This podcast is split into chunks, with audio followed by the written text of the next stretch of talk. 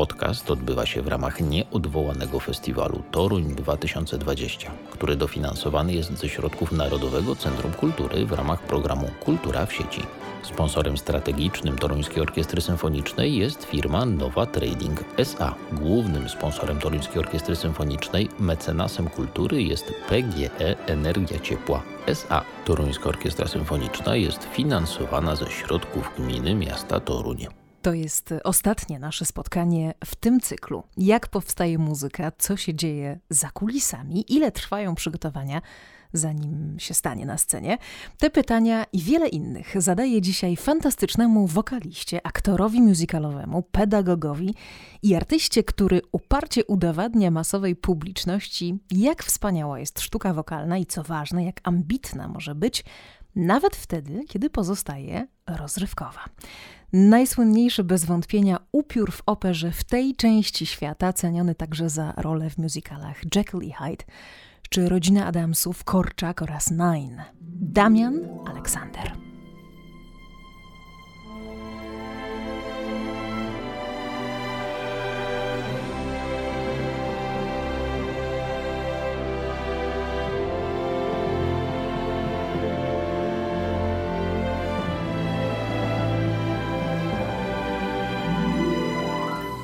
Damian, bardzo miło, że jesteś z nami w tym dziwnym czasie, w którym wciąż wiele sal koncertowych jest zamkniętych. Broadway ruszy dopiero w styczniu, ale też ten czas na razie chwilowo układa się dobrze, bo wie, wiele osób odpoczywa i ty także łapiemy cię na wakacjach na łódce i mam nadzieję, że wiatry sprzyjają. No, taka łódka, która nie, której wiatry ani deszcze nie, nie są straszne. A motorowa. 50 koni, tak, to Bothaus taki z lat 70. z Holandii, pięknie wyremontowany przez mojego przyjaciela i może to w jakiś sposób tonuje tę całą sytuację, która nas spotkała. Pewnie doświadczenie y, y, ludzi, którzy zajmują się biznesem, e, rozrywką, y, mowa tutaj oczywiście o wspomnianym Broadwayu czy West Endzie, powoduje, że oni potrafią, że tak powiem, nakreślić pewien czas powrotu, ale myślę, że to jest po prostu biznes. My chcielibyśmy wrócić do pracy jak najszybciej i pomimo tego przymusowego urlopu, podczas którego mocno tęsknimy i za sceną, i za, za sobą, w sensie za, za sobą, w sensie artyści, tak, i, i spektakle, i ten cały szum, to, to stanowi o sensie naszego życia, no to nawet po trzech miesiącach może się już znudzić ta przerwa, a okazuje się, że dopiero wrócimy może we wrześniu, może w październiku. Ja osobiście wracam w sierpniu do prób do nowego musicalu, nowej produkcji Opera Nowa w Bydgoszczy, Sunset Boulevard, e, ale premiera została przeniesiona już drugi raz, bo miała być w kwietniu tego roku. E, mieliśmy startować w październiku, ale prawdopodobnie odbędzie się w listopadzie, a co będzie, tego nie wie nikt. No i jest to przerażające. Niemniej jednak właśnie ten czas spędzony e, w naturze, tak jak wspomniałam, Polska jest piękna, tonizuje troszeczkę te frustracje, mam nadzieję. Czego najbardziej Ci brakuje w tym, w tym dziwnym czasie pandemiczno-kwarantannowym e, i mało muzycznym albo bardzo muzycznym? Jak to jest? Czy masz czas, miałeś czas na aktywności?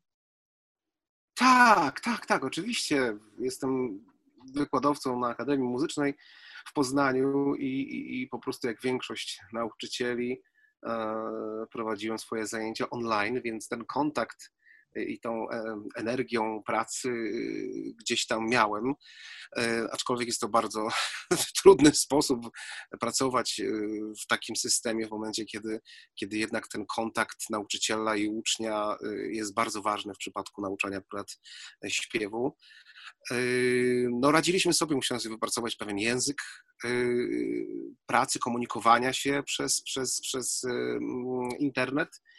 I może w jakimś sensie to pomogło, bo w tym momencie będę mógł może nadrabiać jakieś zaległe zajęcia, których na przykład ze względu obowiązków zawodowych, których nie mogą uczestniczyć i będzie to łatwiejsze. Niemniej jednak oczywiście to, co jest związane z teatrem, w którym pracuję, a przede wszystkim śpiewaniem, to to jest najważniejsze, to coś, do czego najbardziej tęsknię, do, do, do sceny, do, do kontaktu z publicznością, z śpiewaniem wraz z orkiestrą, z graniem spektakli i ten, ta adrenalina, która się pojawia w trakcie bycia na scenie, no jest, jest jak taki pozytywny narkotyk, który, który na pewno, którego nam na pewno brakuje. Mhm. W jakimś sensie ten czas y, spowodował, że mogłem się bardziej skupić na jakichś rzeczach, do których nie mogłem się w tym momencie, akurat nie miałem na to czasu, ale, ale, ten, ale te trzy miesiące to było wystarczająco, żeby się, żeby wypocząć, nawet załatwić wszystkie swoje sprawy, więc ta tęsknota zaczyna coraz bardziej doskwierać. Ja myślę, że to, to, to chyba, tak? Tak, tak, nie, nie, no kontynuuj.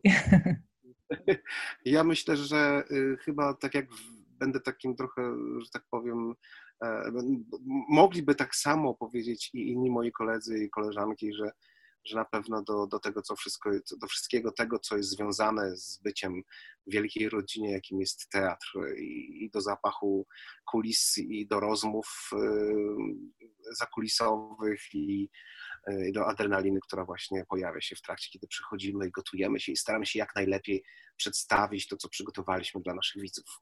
Mhm. Twoje flagowe y, role to oczywiście upiór w operze, ale także rodzina Adamsów, y, Jekyll Hyde, ostatnio Next to Normal w warszawskiej Syrenie. Powiedz, jakbyś miał nam przybliżyć trochę takie kulisy, ile trwa przygotowanie takiej premiery musicalowej w teatrze muzycznym? Patrząc y, na to troszeczkę od takiej strony producenckiej, to, to, takie przygotowania zaczynają się co najmniej na rok wcześniej, uzyskanie licencji, zaproszenie realizatorów ze, przez teatr i reżysera, który, który to będzie robił. Natomiast my wchodzimy, jako artyści wchodzimy na etapie jakby takich trzech miesięcy, tak mniej więcej od dwóch do trzech miesięcy przed, przed premierą. Y, I no, Zaczyna się to w bardzo prosty sposób. Zaczynamy od naszych pierwszych czytanych prób, rozczytywania materiału muzycznego i kiedy już to zrobimy, to zaczynamy powoli w małej sali, a później już y, w trakcie rozwoju sytuacji i opanowania y, i przygotowania się w tych małych przestrzeniach wchodzimy na scenę i zaczynamy pracować nad kształtem spektaklu. Później dochodzą, dochodzi scenografia, kostiumy i jak ja to mówię, e, tak, e, że, że kiedy już jest szabla i wąsy, to wtedy możemy wejść i zacząć, zacząć e, robić coś dla, dla naszych widzów. To taki okres mniej więcej tak to wygląda, ale czasami nieduże, duż, większe produkcje, tak jak Upiór w operze, ten czas był trochę dłuższy, czasami te castingi trwają bardzo długo. I, i, i, te elementy są bardzo jakby płynne, niemniej jednak to tak 2-3 miesiące. Wąsy i szabla. Jaki kostium, który kostium z Twojego dorobku jest najtrudniejszym kostiumem scenicznie, do udźwignięcia, do pracy takiej jeszcze do śpiewania? No ja myślałem do tej pory, że to był upiór w operze, który wymagał ode mnie nałożenia tej lateksowej maski, plus jeszcze peruki, plus jeszcze um, wspaniałego fraka upiora i bardzo ciężkie, ale przepięknej peleryny, że to jest trudne i że ograniczenie widzenia i tak dalej, i tak dalej. Ale pojawił się spektakl Rodzina Adamsów, gdzie musiałem zakryć siebie, Damiana, zakryć po prostu pod, pod kostiumem e, wujka Festera. I to jest chyba dla mnie najtrudniejszy, w sensie takiej kondycji fizycznej to chyba najtrudniejszy spektakl, bo muszę założyć e, wielką, e, wielką gąbkę, e, która, która uwydatnia wielki brzuch i, i, i pupę i, i w ogóle się nagle Fester e, traci, traci szyję i na to jeszcze jakiś golf i wielkie spodnie i na to wełniany płaszcz no i, ta łyska, którą dostaję, po prostu powoduje, że czuję się jakbym co najmniej siedział w saunie. Więc pomimo tego, że to nie jest rola główna, jest to drugoplanowa postać, yy, to, to, to wymaga ode mnie dużej kondycji, picia ogromnej ilości wody, żeby wytrzymać tę temperaturę. A y, mówi się, to rzecz oczywista, że w teatrze muzycznym tak samo ważny jak śpiewanie jest również ruch choreografia.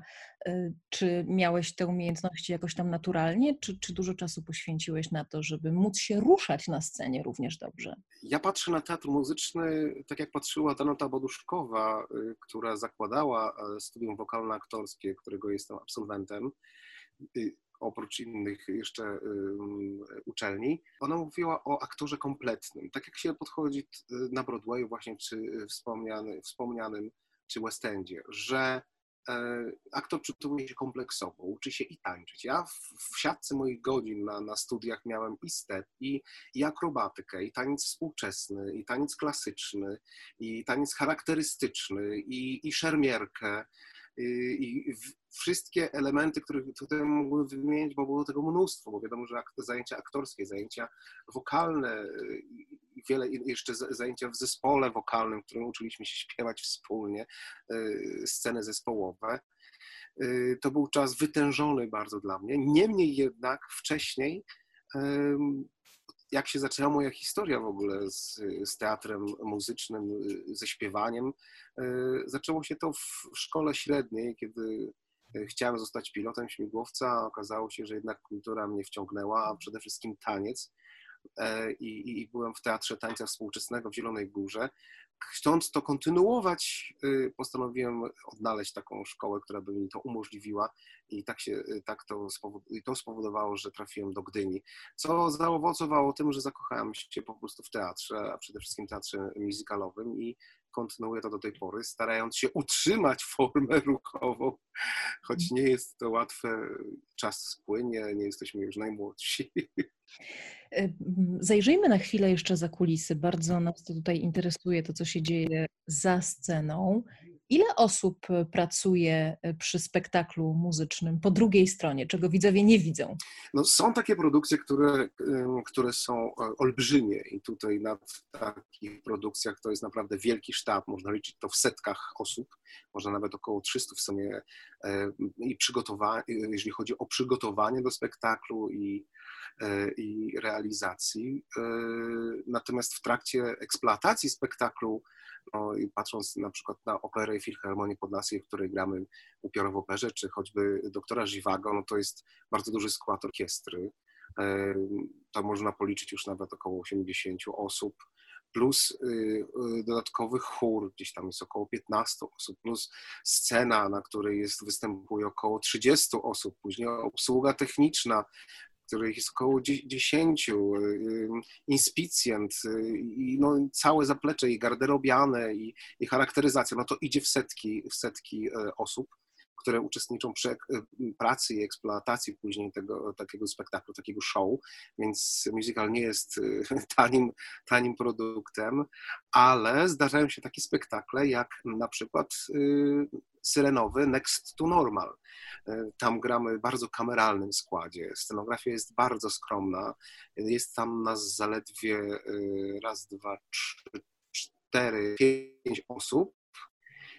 Pięć osób jest nas w tym spektaklu i tak naprawdę jak wchodzimy, to już nie schodzimy. Jest bardzo skromny skład muzyczny. To jest taka trochę współczesna forma teraz przez właśnie duże koszta e, produkcji, tak wspaniałych i dużych i bardzo atrakcyjnych, ciekawych dla widza e, spektakli. E, no, no, zaczęto iść troszeczkę bardziej ekonomiczne, ale też nie to, ale w tym sensie wcale nie gorsze, dlatego że tematyka, y, która jest poruszana, wymaga czasami nawet takiego mniejszego anturażu i, i, i trzeba się skupić bardziej tak jakby dramatycznym e, podejściu do, do spektaklu, tak jak spektakl po prostu stricte dramatyczny, gdzie widz e, i, i aktor to jest to najważniejsze, to zostaje ten element najważniejszy, już nie samo zbudowanie show wielkiego z piórami i, i, i z przytupem. Więc mhm. te spektakle się różnią od siebie. Niemniej jednak ja bardzo kocham klasyczny musical i, i lubię ten rozmach i brzmienie orkiestry, ale odszukiwanie się w tych nowej formule, bo bardzo często y, to wynika z tego, że są to małobudżetowe spektakle i zdarza się to tak w przypadku spektakli broadwayowskich, które przychodzą często z off-Broadwayu, gdzie właśnie realizatorzy nie mogą sobie pozwolić na duże, na mhm. duże koszta, więc powstają małe perełki i taką perełką jest właśnie Next to Normal w Teatrze Syrena. Mhm, pięknie powiedziane.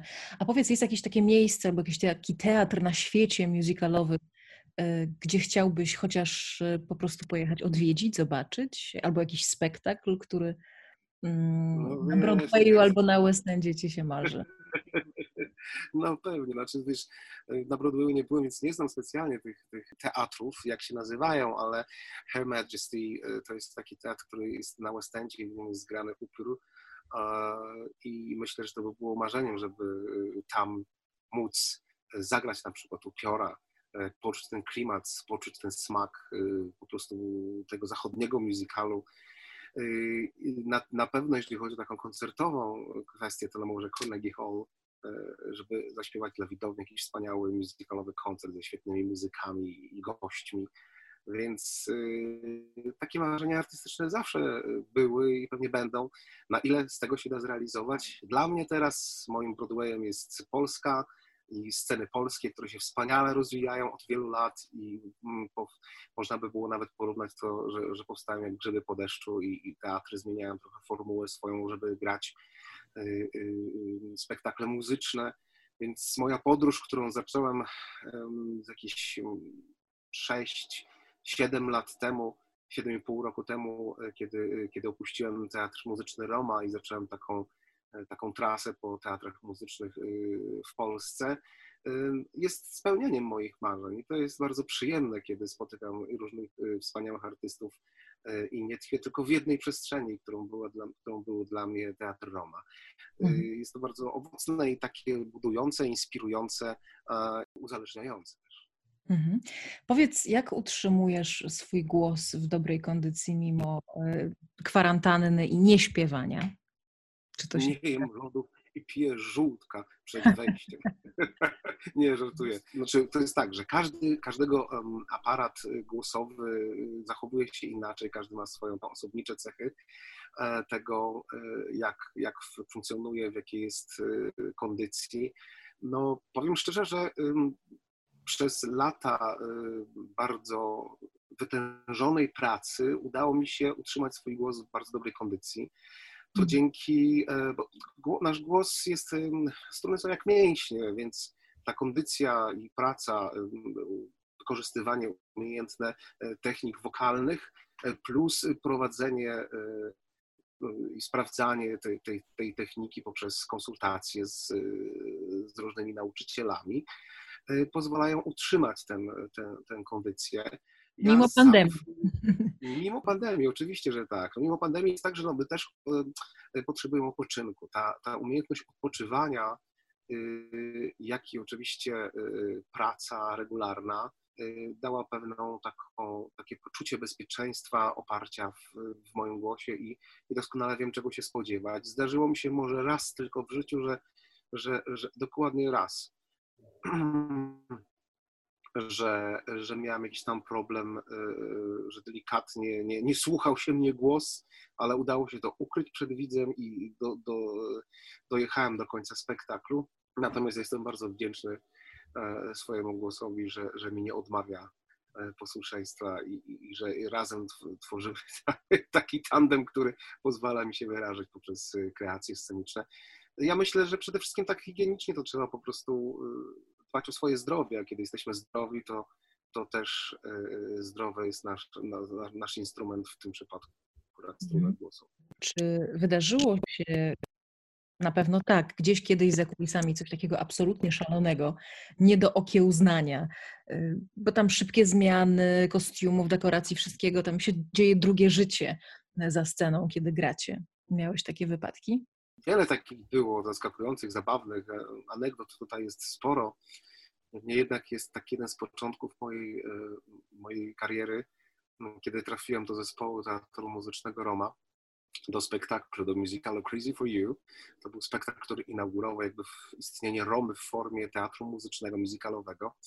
I byłem w zespole, no i tam sytuacja sceniczna w której byłem, spowodowała, że chciałem bardzo nakrzyczeć na moją koleżankę, która, która mnie zdenerwowała jakimś zachowaniem troszeczkę niefrasobliwym na scenie i zapomniałem się, że właśnie wchodzę na scenę. Więc mhm. chcąc sobie skrócić tę drogę, bo musiałem wyjść na proscenię i z proscenią wejść do tej sceny przed czarny tiul, zapominawszy o tym, że tam jest czarny tiul, skróciłem sobie drogę i wszedłem z kulisy prosto w ten tiul, przechodząc jedną nogę na drugą stronę i od tamtej pory ustanowiono nagrodę Złotego Damiana i, i za takie wpadki sceniczne dostawali, dostawa, dostawały różne osoby taką nagrodę złotego lub srebrnego Damiana właśnie z powodu tej sytuacji. Dla mnie to było dramatyczne, ale w tamtym czasie, w tamtym czasie, ale teraz się z tego śmieję. E, to, że się zdarzają różne takie nieprzewidziane rzeczy i jak to, jak, i to tym bardziej mówi o tym, że to jest sztuka żywa, że teatr jest sztuką żywą, która za każdym razem y, Y, na którą wpływa wiele elementów i, zaskakuje nas y, tak samo, jeśli chodzi o to, co się dzieje za kulisami, jak i, na, i, i tym, co się dzieje na scenie. No to powiedz jeszcze na koniec, czy coś śpiewasz na tej łodzi? Jest taki jeden utwór, który gotuje w żyłach i pojawia się bojowy, taki, taka werwa bojowa, że wszyscy zaczynają śpiewać na łódce i nosi tytuł Ja pajdu w palu. Piosenka e, rosyjska z repertuaru chóru Aleksandrowa, ale ona jest bardzo romantyczna, przepiękna i bardzo, bardzo wysoko e, jest napisana, e, jest wręcz popisowym utworem, więc jest wiele zabawy, bo każdy z nas się mierzy z, tym, z tymi dźwiękami, jest bardzo zabawnie, ale, ale wszyscy bardzo lubią ten utwór śpiewać.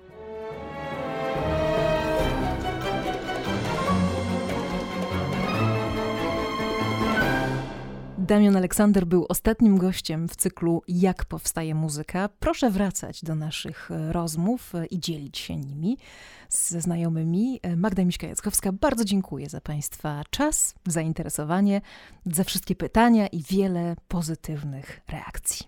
Do usłyszenia.